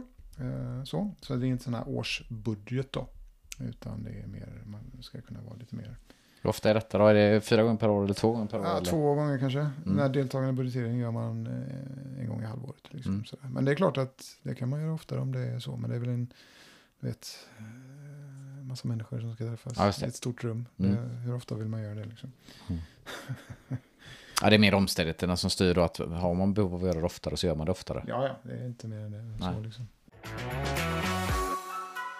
Det jag tänkte vi skulle prata lite om nu är kanske lite mer governance. Hur, hur, em, hur jobbar man i portföljen? Om du är, en, du är en person som jobbar på portföljnivå Mm. i den här lean portfolio management-funktionen. Mm. Eh, har du hamnat nu Alex? Okej, Och- intressant. Ja, Jag har kommit upp mig i livet. ja, om man vill säga, jag brukar, ibland säger man så här att ja, uppe i portföljen och nere i teamen. Mm. Det försöker jag undvika det upp och nere. Mm. Utan så här, eh, ibland vara lite så här, ja men till höger i portföljen och till Mm. vänster i teamen. Mm. Jag, vet inte, jag gillar inte riktigt det här hierark, hierarkiska tänkandet. Nej, jag har också lekt med en tanke på tal om det. Typ rita eh, organisationskartan upp och ner på. Mm. Har jag också eh, funderat på. För det ger ju liksom typ en annan, en annan Mm. feeling. Eh, nu skulle vi inte flumma till om det, utan vi skulle... Jag var med ett, ett lean portfolio. Ja, och det är min fråga så här, om, om du, du vet, du har ju varit med i andra sammanhang. Liksom, man sätter upp, man jobbar ju Mm. på kadens och sätter upp olika eh, Absolut. forum. ja, men, ja, men då är jag med. Eh, vad, vad, ja, vad, vad behöver man här? Ja, men typ man behöver ju diskutera om man kanske ska ta in något nytt, så det kan vara en sak. Ja. Eh, man behöver eh, eh, se till så att det går framåt och Mm. synka, eh, för man kanske har lite beroende så. Mm. Eh, och man, eh, ja men jag kan tänka att man kanske vill göra det lite bättre också. Så Mm. man har en, något sånt forum. Ett sånt forum, ja. Eh, absolut, jag tror i grund och botten kan man sätta upp det man vill då. Mm. Eh, I det här materialet så, så funderar man på att man behöver ett, ett, ett forum som har ett strategiskt fokus Mm. och titta på strategin och tillbaka till Ja, vision och de här olika analyserna och det är de som gör det då kanske. Och liksom hur ska vi ändra vår vision, hur närmar vi oss vår vision, eh, vad är det för strategi och horisonter och grejer va? Ja, okej. Så någon slags review då på, som du säger, då på strategisk nivå. Nu Mm. bara repetera vad du säger. Då misstänker jag att det här jag snackar om med framdrift och sådär, eh, på mer, vad ska man säga, operationell nivå. Mm. Är aldrig aldra du kommer det är det komma andra till. forumet, någon Ja. typ av eh, portföljsynk. Ja. Då tittar man liksom Ja. hur går det i det da- dagliga arbetet här. Och, och eh, försöker följa upp det så man får den här business alignment. Här har vi strategin. Eh, någonstans har vi själva exekveringen sitter ihop. Vet folk. Går dessa också på kadens eller? Ja, Eh, med en tätare kadens på synken och en lite mer... glesare på strategiska. Ja. Precis. Strategin ju inte. Men det är, det är typ samma personer eller? Det kan det vara. Eh, Delvis, eller? Delvis, det överlappar nog. Ja. Men så kommer vi till det här eh, lite mer operation och portföljflöde. Mm. Och eh, det är nog här du kommer ikapp med dina tankesätt eh, här då. Att, och vi har ju pratat om flöde. eh, Avsnitt 7 och 8. Men avsnitt 7 pratade vi om, eh, du visade ju Formel 1-bilar. Just det. Eh, som, eh, och bland annat. Och sen så avsnitt 8 var det mer flöde i livet. Men avsnitt 7 för den som eh, Mm. vill gå på djupet. Gå på djupet där. Men vad var det som var viktigt? Vad tror du är viktigt att ha flöde på i sin portföljnivå? Ja, men inte ha för mycket grejer igång samtidigt. Ha lite Mm. slack här. Mm. Och det var egentligen det vi var inne på alldeles nyss. Det här Mm. med att om vi sätter igång för många stora strategiska initiativ samtidigt så tar inget, blir inget klart. Mm. Så vi måste eh, hantera flödet och, och liksom, vad jag säger, stop starting, start finishing. Mm. Eh, och det gäller här också. Eh, men det är också, vad ska man säga, det här med MVP och så vidare. För är det ett litet initiativ så, ett och tre, så tar det slut fortare. Mm. tänkt på det? Mm. Det är mindre tar slut fortare, större tar längre tid. Mm. Så det är smart att få ett flöde Mm. med mindre grejer. Mm. Reduce batch size Ja. eh, finns det ju sån här teori om. Eh, och då kör man en sån här eh, portföljkanban. Eh, och du pratade ju om kanban, men vad är, vad är det, varför är kanban bra? Eh, en kanban är ju bra för att visualisera vad som håller på, och, eller vad som händer. Mm. Eh, och den, man kan använda den för att göra den här, det är lätt, det är ju lätt att göra en VIP-limit om man har, alltså Mm. här, nu ser jag att tre grejer pågår här. Och Mm. jag vill bara att tre grejer ska pågå Mm. här. Ehm, Så vis, eh, visibilitet, um, viktlimit. Um, man får någonstans att titta där man kan diskutera om Mm. det finns så här, beroenden och hur man tar det här framåt så man kan samarbeta eventuellt lite bättre. Mm. Ehm, ja, Ja, precis. Du har helt rätt. Och en sån här kanban består ju då av x antal olika kolumner. mm, Där man har liksom ofta ett ingångskriterium och ett exit-kriterium i en kolumn. Eh, så att det är strukturerat. När flyttar vi någonting Mm. från det ena och det kan finnas. Vi var inne i en, guard, en av de här guardrailsen var ju att man skulle ha ett, ett eh, beslut från LPM-funktionen. Så i någon av de här eh, där man beslutar här ska vi implementera så finns ett go-no-go decision. mm, Eh, det är ett sånt här gammalt hederligt uttryck. Mm. Men, men det, det kan man ha här. mm, Eh, på grund av den guardrailen då. Att det sker i något läge. Eh, så man får en struktur. Men i grund och botten hur visualiserar vi alla våra strategiska initiativ. Liksom. Mm. Det är viktigt. Det finns på ett ställe och det är här. Och där kan man se status och lite sådana saker. Och då har man ju ofta någon typ av verktyg av något slag. mm. Eh, och det finns massa olika verktyg. Kanske jag kan ha ett verktygsavsnitt. Ja. Absolut. Mm. Och sen behöver man ju då sekvensera. Eller ja, sekvensera Epic. Så vilken, för det är en skillnad mellan prioritering och sekvensering. Mm. Inte om vi har haft uppe den här frågan. Nej, den, den är ju helt ny. Ja, Ska jag gissa, gissa lite där, eller? ja det får gissa. Ja, eh, då känns det som att prioritering är en ordning Mm. som vi gör utifrån ett värde. Eh, och sekvensiering är ett, en ordning som vi gör utifrån eh, andra omständigheter som har med, eh, ja, med beroenden, tillgänglighet kanske. Mm. Nu ska jag säga att det här är handwavar du lite. Okej, Ja.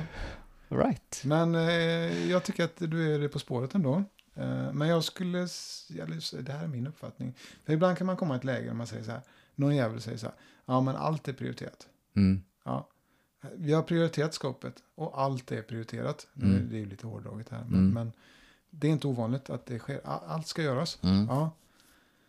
Eh, Men då uppstår den andra frågan. Men- i vilken ordning ska vi göra det då? Mm. Hur ska vi, vad ska vi börja med? Mm. Och vad, vad kan vi ta sist? Mm.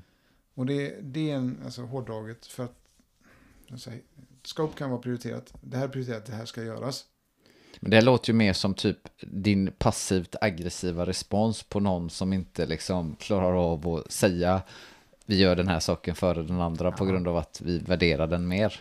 Precis. Men det finns organisationer där det händer liksom. Jo, att- ja, att hela tiden. det, det här är prioriterat, det ska göras. Jaha, Mm. men nu gör vi det här. Eh, liksom. Men vilken ordning ska vi ta dem då? Mm. Och det är tillbaka till den här VIP-limit-grejen då. För att Mm. ja, men man kan inte starta alla grejerna samtidigt. För Mm. då blir ingenting klart. Mm. Och då måste vi lura ut, okej om, vi, om vi har en VIP-limit på tre. Mm.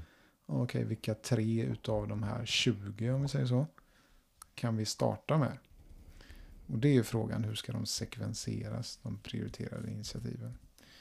Eh, och, och kollar man, ett sätt att göra det är den här uh, Waitest Shortest Job First-metoden. Den bespottade ja, WSJF-metoden. ja, Ja, den är ju ändå lite bespottad, det får man väl ändå säga. ja, det, men det, jag, det, det, jag tror, vet du vad jag tror? Jag tror att det, det har att göra med den här comfort crisis att göra. Att det är lite besvärligt. Jag tycker Mhm. fan vad det är för lite besvärligt. Kan inte bara bes- någon jävel bestämma Mm. vilken ordning? Kan inte bara säga bara. Måste Ja, det var, det var ändå liksom en, en, vad ska man säga, det var en take på det. En annan take är det ju att det är godtyckliga värden som man liksom förleds att tro att de är någon slags, för det är en matematisk formel, Ja. så man förleds att tro att det är något kvantitativt i, liksom fullt ut, när man får värdet ut. Det är ju en annan kritik, så att man kan nog se det på lite olika sätt. Men Så. eh, ska du fördjupa dig lite i detta, eller? ja, egentligen så handlar den om att man på något sätt ska definiera det man kallar för cost of delay. Ja. Eh, alltså delay of value då. Mm. Och eh, det ska man eh, dela med tiden det tar. Eller möjligtvis då kostnader det tar. Att ut, tid och kostnader är ofta mm, korrelerar i alla fall. Mm. att, att det utvecklar något då. Och då kan man ju få i, i, ibland ett sce- sce- scenario där man har någonting man tycker har väldigt högt värde. Men det visar sig att det har en väldigt stor kostnad också. Mm. När du kör division på det så, så får det ett, ett lågt värde då. Medan Mm. du kanske har någon, en annan grej som det har inte lika högt värde men det, det har också en väldigt liten kostnad. Som gör att den då i den här weighted short job modell prioriterings sekvenseringsfunktionen blir högre Mm. eh, värderad. Just det. Och då tycker folk det är konstigt då. Men det är det inte konstigt än att du, är det äppelträd du har här ute förresten? Ja. Att du, ja men det kan vara så att du ser ett jättegott äpple längst upp i trädet. Mm. Men där nere hänger eh, andra äpplen som ser fina ut. Mm. Och du plockar dem först. Mm. För det var mycket enklare. Mm. Men du ville egentligen ha det där uppe. Men det var besvärligt. Mm.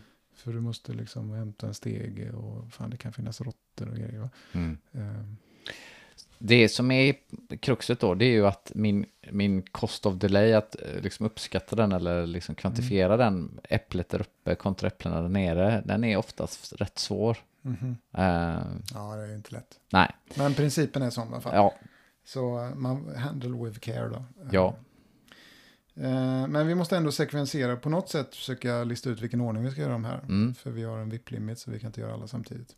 Eh, Så då, då, kan man använda den metoden. Eller om man har något bättre så använder man det.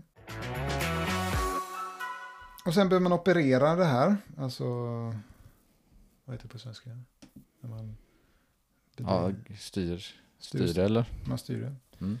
Eh, alltså Agile Portfolio Operation kan Mm. man prata om om man vill ha det. Och Mm. där behöver man då koordinera de här värdeströmmarna.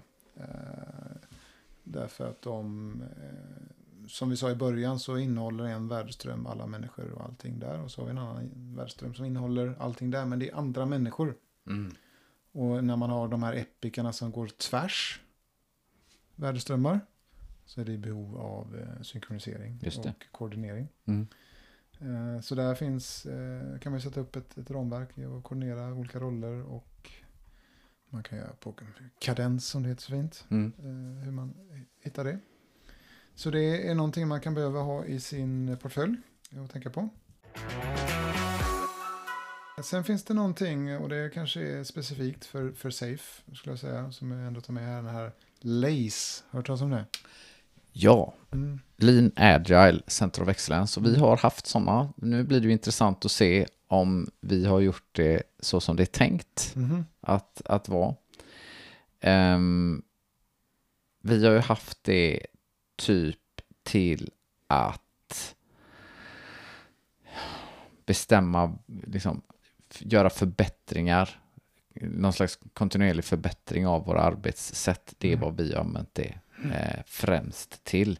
Men jag misstänker här att eftersom du tar upp det i detta sammanhang så är a little bit more to it.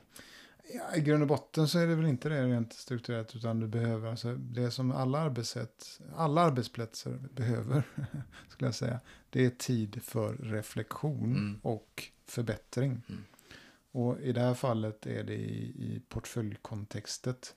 För vi har satt upp våra värdeströmmar, våra epics, vår kanban, vår, våra synkar och hit och dit. Va? Och det blir inte perfekt från början. Eh, Utan här behöver man ju, eh, och, vi kanske har massa nya människor som aldrig jobbat på det här sättet. De behöver utbildas, coachas, eh, etc. etc. Och det här lacet då, Center of Excellence, hjälper ju till i hela det här maskineriet och försöka få eh, göra reflektioner och retrospektiv som Mm, grejer för right, för att right. få saker att lira bättre då. För det, hur den är och hur smarta vi möjligtvis låter så, så när man Det var jag tänker då, ja. Ja, Mm. ja, ja. kanske någon annan också. men, men jag menar, man måste börja någonstans. Mm. Sen är det lite learning by doing. Mm. Eh, och så hittar man på, gör man saker testar.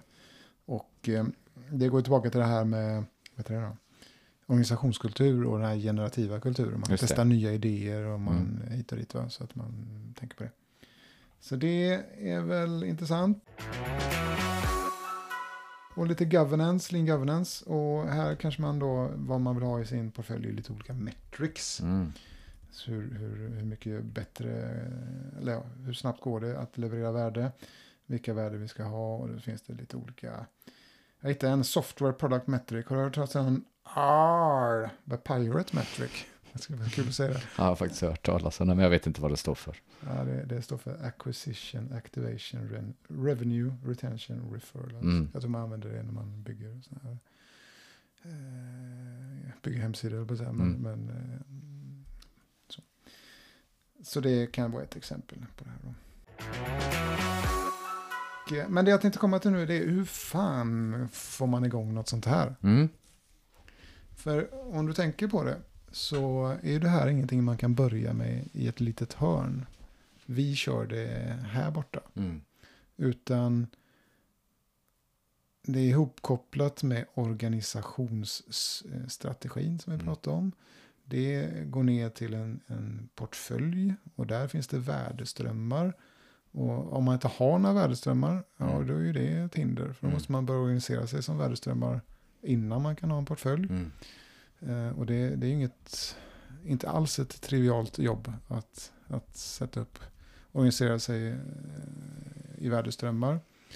Sen ska du fundera på, okej, vilka värdeströmmar ska vara med i portföljen? Mm. Du ska fundera på, om du inte har det, vilka horisonter vi har. Mm. Eh, och ska vi göra med olika analyserna och vi ska göra epics och, och mm, sådär. Så det här betyder att det är, en- det är en transformation Mm.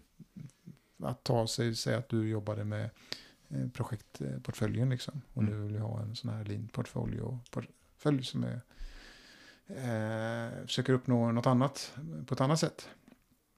Eh, så, så då får man eh, jobba helt enkelt. Mm. Och eh, Det låter inte som de lättaste grejerna i världen. nej, utan det handlar ju om det som jag var inne på, det, att får, nu ska vi koppla ihop strategin med exekveringen. Mm. Och vi ska gå ifrån projekt till värdeströmmar. Vi ska ha en gemensam budget så vi får ändra på om vi har en, du vet, eh, en ekonomistyrning i vår organisation som har massa kostnadsställen och så får man ändra på den också Mm. och hur man budgeterar. Eh, och sen ska vi då sekvensera alla större initiativ gemensamt. Så det låter ju inte som man kan snyta det här ur näsan, tyvärr. Men själva idén, om man lyckas med det här, ja då kan man bli en, eh, en riktig player, eller på säga. Men Mm. då får man ut värde på ett bra sätt. Mm. Och jag skulle säga, när när jag tittar lite runt en omvärldsanalys, Mm. så tror jag att många tycker det här är grymt. Mm.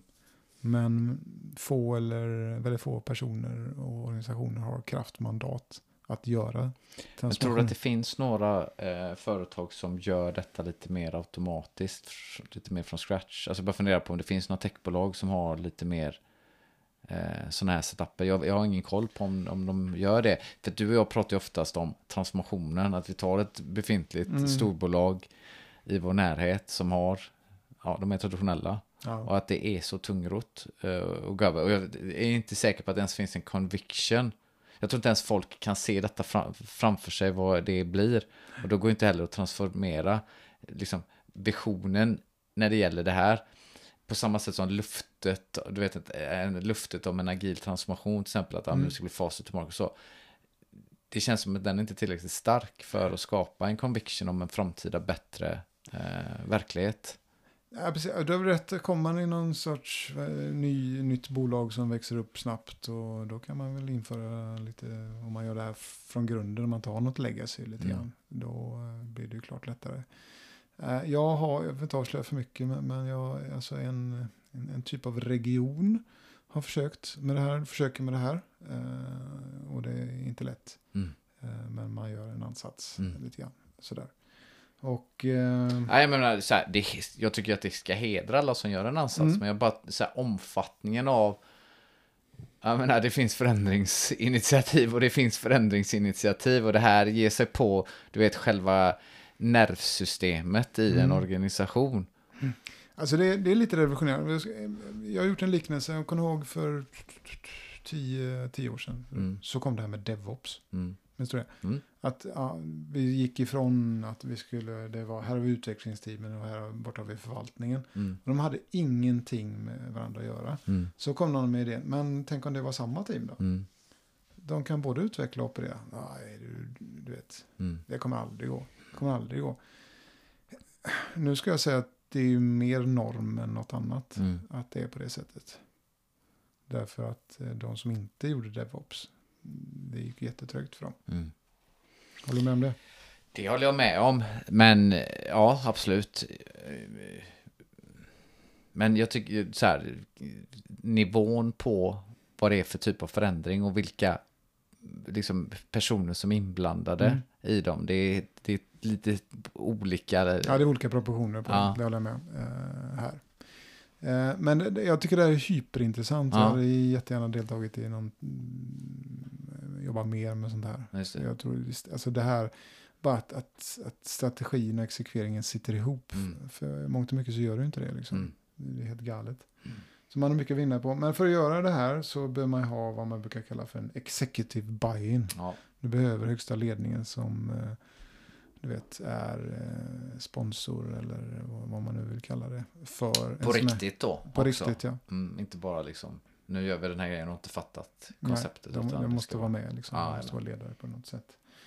Jag menar, och ska du göra det här så behöver du ha ett sånt här LPM-team. Liksom, och det Mm. behöver också vara några rätt tunga spelare Mm, som, som kan ta de här besluten. Vilka strategiska initiativ ska vi ha? mm, Vad är vår vision?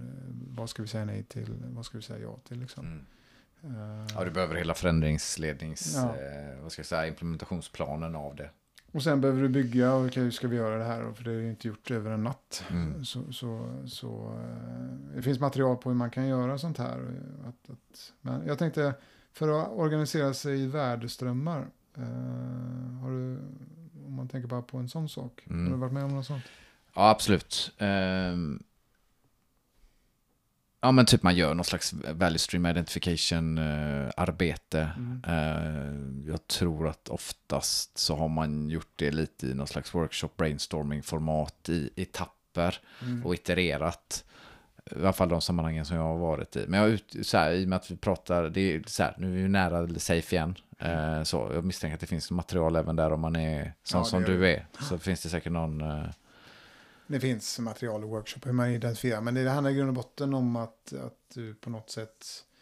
Eh, liksom, var uppstår ett behov någonstans? mm, Och eh, var finns kunden? mm, Och vilka är det som jobbar med de här grejerna? mm. Det bör identifieras. Så liksom, ja, jo, men det visar sig att ja, först gör det teamet någonting. Sen är det ett team i Brasilien som gör någonting. Mm. Och sen kommer det tillbaka hit och sen ska det vara check of legal och sen ska det vara ditten och datten.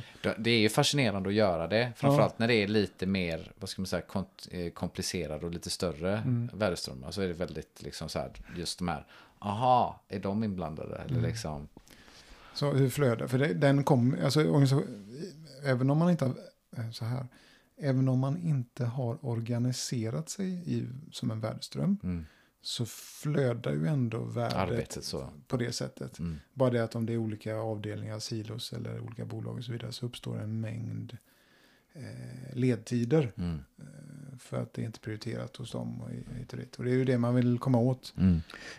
Du säger ju faktiskt en bra sak här. Att det här är viktigt oavsett om du har tänkt att organisera dig utifrån eh, värdeströmmen eller inte. Liksom Mm. Bara det faktum att du kan tänka dig så här, om du går in på ett sjukhus eller om du går in i en fabrik så kan du liksom kunna se konturerna av hur antingen patienter eller material flödar i här. Om du tar fabriken så kan du nog se, ja men här finns en lastport, där Mm. kommer det in grejer. Och så kan du se, ja men där på andra sidan finns en lastport och sen så kanske det finns ett, ett rullande band.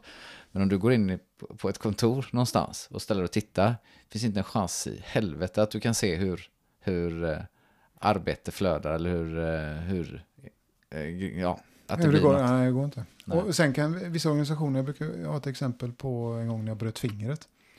Eh, Så åkte jag till vad heter det, Mölndal Mm, sjukhus och så fick man, ja hej, hej jag brutit fingret tror jag. Och så, ja, sätt dig här och Mm. vänta. Mm. Och så tog det en jävla tid och så eh, fick jag prata med någon sjuksköterska och så gjorde någonting, ja, du får komma till röntgen, sa de då, så tog det jättelång tid. mm, Och så fick jag komma till röntgen. Och så, ja den är bruten. Mm. Okej, ja, du, nu ska vi gipsa dig. mm, Och så, du vet, men det är nog imorgon, säger de då. Ja, men ja, då, då kan jag ihåg så här, ja, men då åker jag hem och sover. Så de sa då, nej då blir du utskriven, får du börja om. mm. Så säger du dum eller? Ska jag ligga här på träbritsarna då? Mm. Det låg en andra stackare där. Ja, så jag åkte hem och sov och så kom jag tillbaka och så sa jag, fan, den är bruten, jag ska gipsas nu. Ja, så, ja. Så någon timme till och så blev jag gipsad och sen, ja du vet, det tog säkert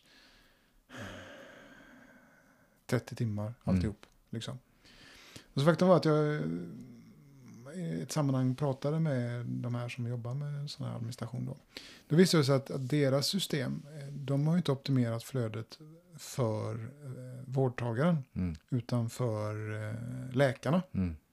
Eh, att de ska kunna, du vet, göra saker. Var, ja, men typ, ja, att de ska vara full, hyfsat fullbelagda. Ja, hela och, tiden. Ja. Och det uppstår, och det är liksom, eh, backsiden är att jag som patient får vänta en jävla Mm. massa. Liksom. Så mm. Det är inte helt självklart alla gånger. Eh, så. Men, men vem, är, vem är kunden här? Mm. Är det läkaren eller är det vårdtagaren? Liksom? Mm. Jag kan tycka att de gjorde fel prioritering. Men det är klart att det kanske sätter läkarna i en jävla rävsax istället. Liksom. Ja, den som tycker det är kul och vill veta mer om det kan googla på Resource Utilization Trap. Mm. För då får man reda på mer om vad det handlar om. Men Vart okej. är vi någonstans nu Jesper? Ja, vi- försöker eh, identifiera vad är det man behöver göra för att implementera det här lean portfolio-tänket. Ja, just det. Eh, Så jag pratade om att man behöver högsta ledningens buy-in, man behöver organisera sig i värdeströmmar sa jag. Och man behöver eh, det här med strategi. Kommer du ihåg vad vi pratade om där? Ja, Vision Mission och sånt där, var det du syftade på eller? Ja, och vi, du pratade om eh, bagerier och grejer, vad var det? Eh, strategiska teman. Ja, det behöver vi. Och då får man ut Epics va? Mm. i slutändan. Mm. Som man eh, har och man har, vi pratar om lean budget och guardrails. Mm. Kommer det? Mm. Eh, Guardrailsen. Eh, och sen hade vi kanban. Och sen börjar man sina LPM-event och sätta igång. Så allt det här behöver man ju liksom fundera igenom. Hur Mm. ska det här funka? Mm. Eh, och, och titta på olika saker eh, kring det då. Nu har vi pratat lite om sluttankar här kring LPM-konceptet som så. Och jag tycker att det är ett grymt koncept. Mm. Så, men eh, det, är inte, det kräver en stor omställning. Mm. Det är väl där skon klämmer då. Mm. Eh, Så det är väl kanske därför, om inte jag har sett så många sådana implementationer. Men finns, finns det någon, skulle det vara, kan det finnas någon liksom storlek på företaget eller organisationen för att det skulle liksom funka lite, lite bättre?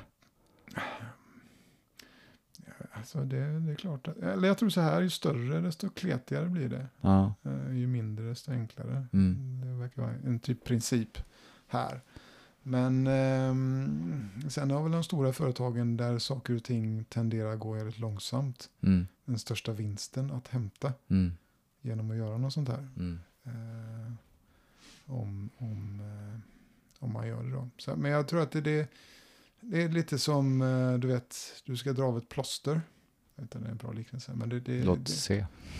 du vet att det kommer göra så jävla ont Mm. så att du vill inte göra det. Liksom. Mm. Men det kommer bli bättre efter att du dragit av det. Liksom. Ja, men är det, är det, alltså för det är ju någonting som saknas. Nej, jag har en bättre liknelse. Du ska vaxa hela kroppen. Ja, okej. Och det, det kommer bli jättefint. Men det här tar lång tid och det är Mm. många som du ska dra av och det är jättejobbigt. Det gör Mm. ont. Men du är liksom jättefin efter. Eh, ja, men så här, åter till, det här. Eh, jag menar, co- conviction. ehm, jag menar, det saknas någonting, tycker jag, för att liksom övertyga folk eller... Jag menar, om vi säger så här då, när vi, när vi, folk som vi känner som jobbar lite högre upp i organisationerna, Mm. de är ju inte obekanta med detta. Eller är de, det ligger inte i deras, det finns inte något incitament för dem. Jag tror en en problem- problematik är det här med en gemensam pengapåse. Mm. Därför eh, det som händer i många organisationer är att du har, nu raljerar jag lite, karriärsmänniskor Mm. som vill ta sig upp och få makt Mm. eh, och eh, beslutande rätt över en viss del av verksamheten. Mm. Och då har man sin egen pengapåse. Mm. Och problematiken som vi kommer komma runt i början, att det fanns olika kostcenter och det var jävligt jobbigt att få pengar. Mm. eh, Sådär. Så då vill vi ha en gemensam pengapåse i vår portfölj som Mm. vi kör den här deltagande budgeteringen. Mm. Men jag tror att det finns vissa makthavare som tycker det är ointressant. Mm. Det är liksom, de vill inte jobba på det sättet. Mm. De vill ha makten själv. Mm. Det tror jag är en del av problemet här. Jag säger inte att det är hela problemet, för det finns jättefina ledare som vill dela med sig makt och så vidare. Men, men eh, tillbaka till servant leadership vi har pratat om tror jag. Mm. Men eh, vi pratar om servant leadership därför vi vill ha det och därför det inte finns på så många ställen. Vi tycker det vore bra. Men det här är liksom så att, ett, eh, att eh, det här är så här då. Att det inte finns LPM-installationer eller funktioner, det är ett symptom på att det inte finns tillräckligt många servant leaders. Mm. Som är kanske en av rotorsakerna till det. Mm. Tror du det? Det kan mycket, mycket väl vara så. Mm. Inte omöjligt. Nej, inte omöjligt. Ja, eh, undrar inte vi har kommit till slutet här nu. Lite, har du själv några tankar kring det här? Nej, men jag gillar också konceptet. Ja. Ehm, det är tilltalande. Ehm, jag hade gärna velat se det någonstans där det funkar bra. Du vet, jag hade gärna Mm. kommit i liksom, kontakt, eller det, jag vet ju att vi båda vill, och du, du kanske också Mm. är i kontakt med folk eller företag. Ehm, men det skulle, vara, det skulle vara kul att se mer hur det kan Mm. fungera i, i verkligheten. För jag menar, ofta, ofta är det ju ja, men en budgetering som görs då per funktion eller per organisation. Mm. Både på pengar men dessutom på headcount. Mm. Och det känns ju också sådär, åh, Ja, det funkar inte. nej, det är, ju, det är ju liksom, det blir, då blir det svårt. Eh, och också det här du vet att där du skapar värde, du får en, kanske en, eh, på så pass hög nivå så får du pengarna ut. Då är det Mm. också intressant att, okej, pengarna in, Mm. ger pengarna ut. Mm. Jag menar, hur, hur, ska du le, hur, hur leder du? Du sitter i någon jävla controller med massa nycklar. Mm. Och sitter, ja, ah, 5% av det här går till det här projektet och 5% Ja. av den här, alltså bara för att reda ut hur mycket, då kan, här blir han ju arbetslös liksom. Och bara det kan ju vara en jävla vinst. Ja, han gör ju något annat värdeskapande då såklart. Det är såklart han inte ska bli arbetslös, men just det jobbet känns ju så jävla dödfött liksom. Ja, eh, precis. Ja, det finns några sådana vad heter det, värdegrundsarbete. Så, vad, vad hette han? Jag har inte Ja, pratat om. Äh, skit i han. Jo, vi ska prata om honom någon annan gång. Nu står det helt still. Eh, Funktionell dumhet-liran är det du tänker på. ehm, Ja, han eh, örebroan. Är han örebroare? Nej, men han. Jaha, du tänker på han. Eh, Marcus Allard. Ja, precis. Han har kategoriserat människor i några som leker på jobbet och några som gör jobbet. Ja, just det. Så. Ja, det, det baseras faktiskt på, på något som heter funktionell dumhet som eh, Mats Alvesson Mhm. har skrivit. Jag tror att det kan vara ett avsnitt i år. Ja, Eh, faktiskt. Jag blir sugen på det nu när du sa det. mm. Eh, eh, värdet med värdegrunden har han ett. Så jag, jag, man skulle kunna ha en två, två variant här, att man pratar om värdet som vi upplever det med värdegrund och så kan man ta hans take på det liksom. Låt se. låt se. Tycker du att vi rundade av detta på ett bra sätt eller på ett dåligt sätt? Jag tycker, så här tycker jag, ibland kan man göra det på olika sätt. Ja. Det inte vara, men det slutar alltid med att vi drar repet. alla Ja, och det gör vi nu. Ja, Bra jobbat Jesper. samma.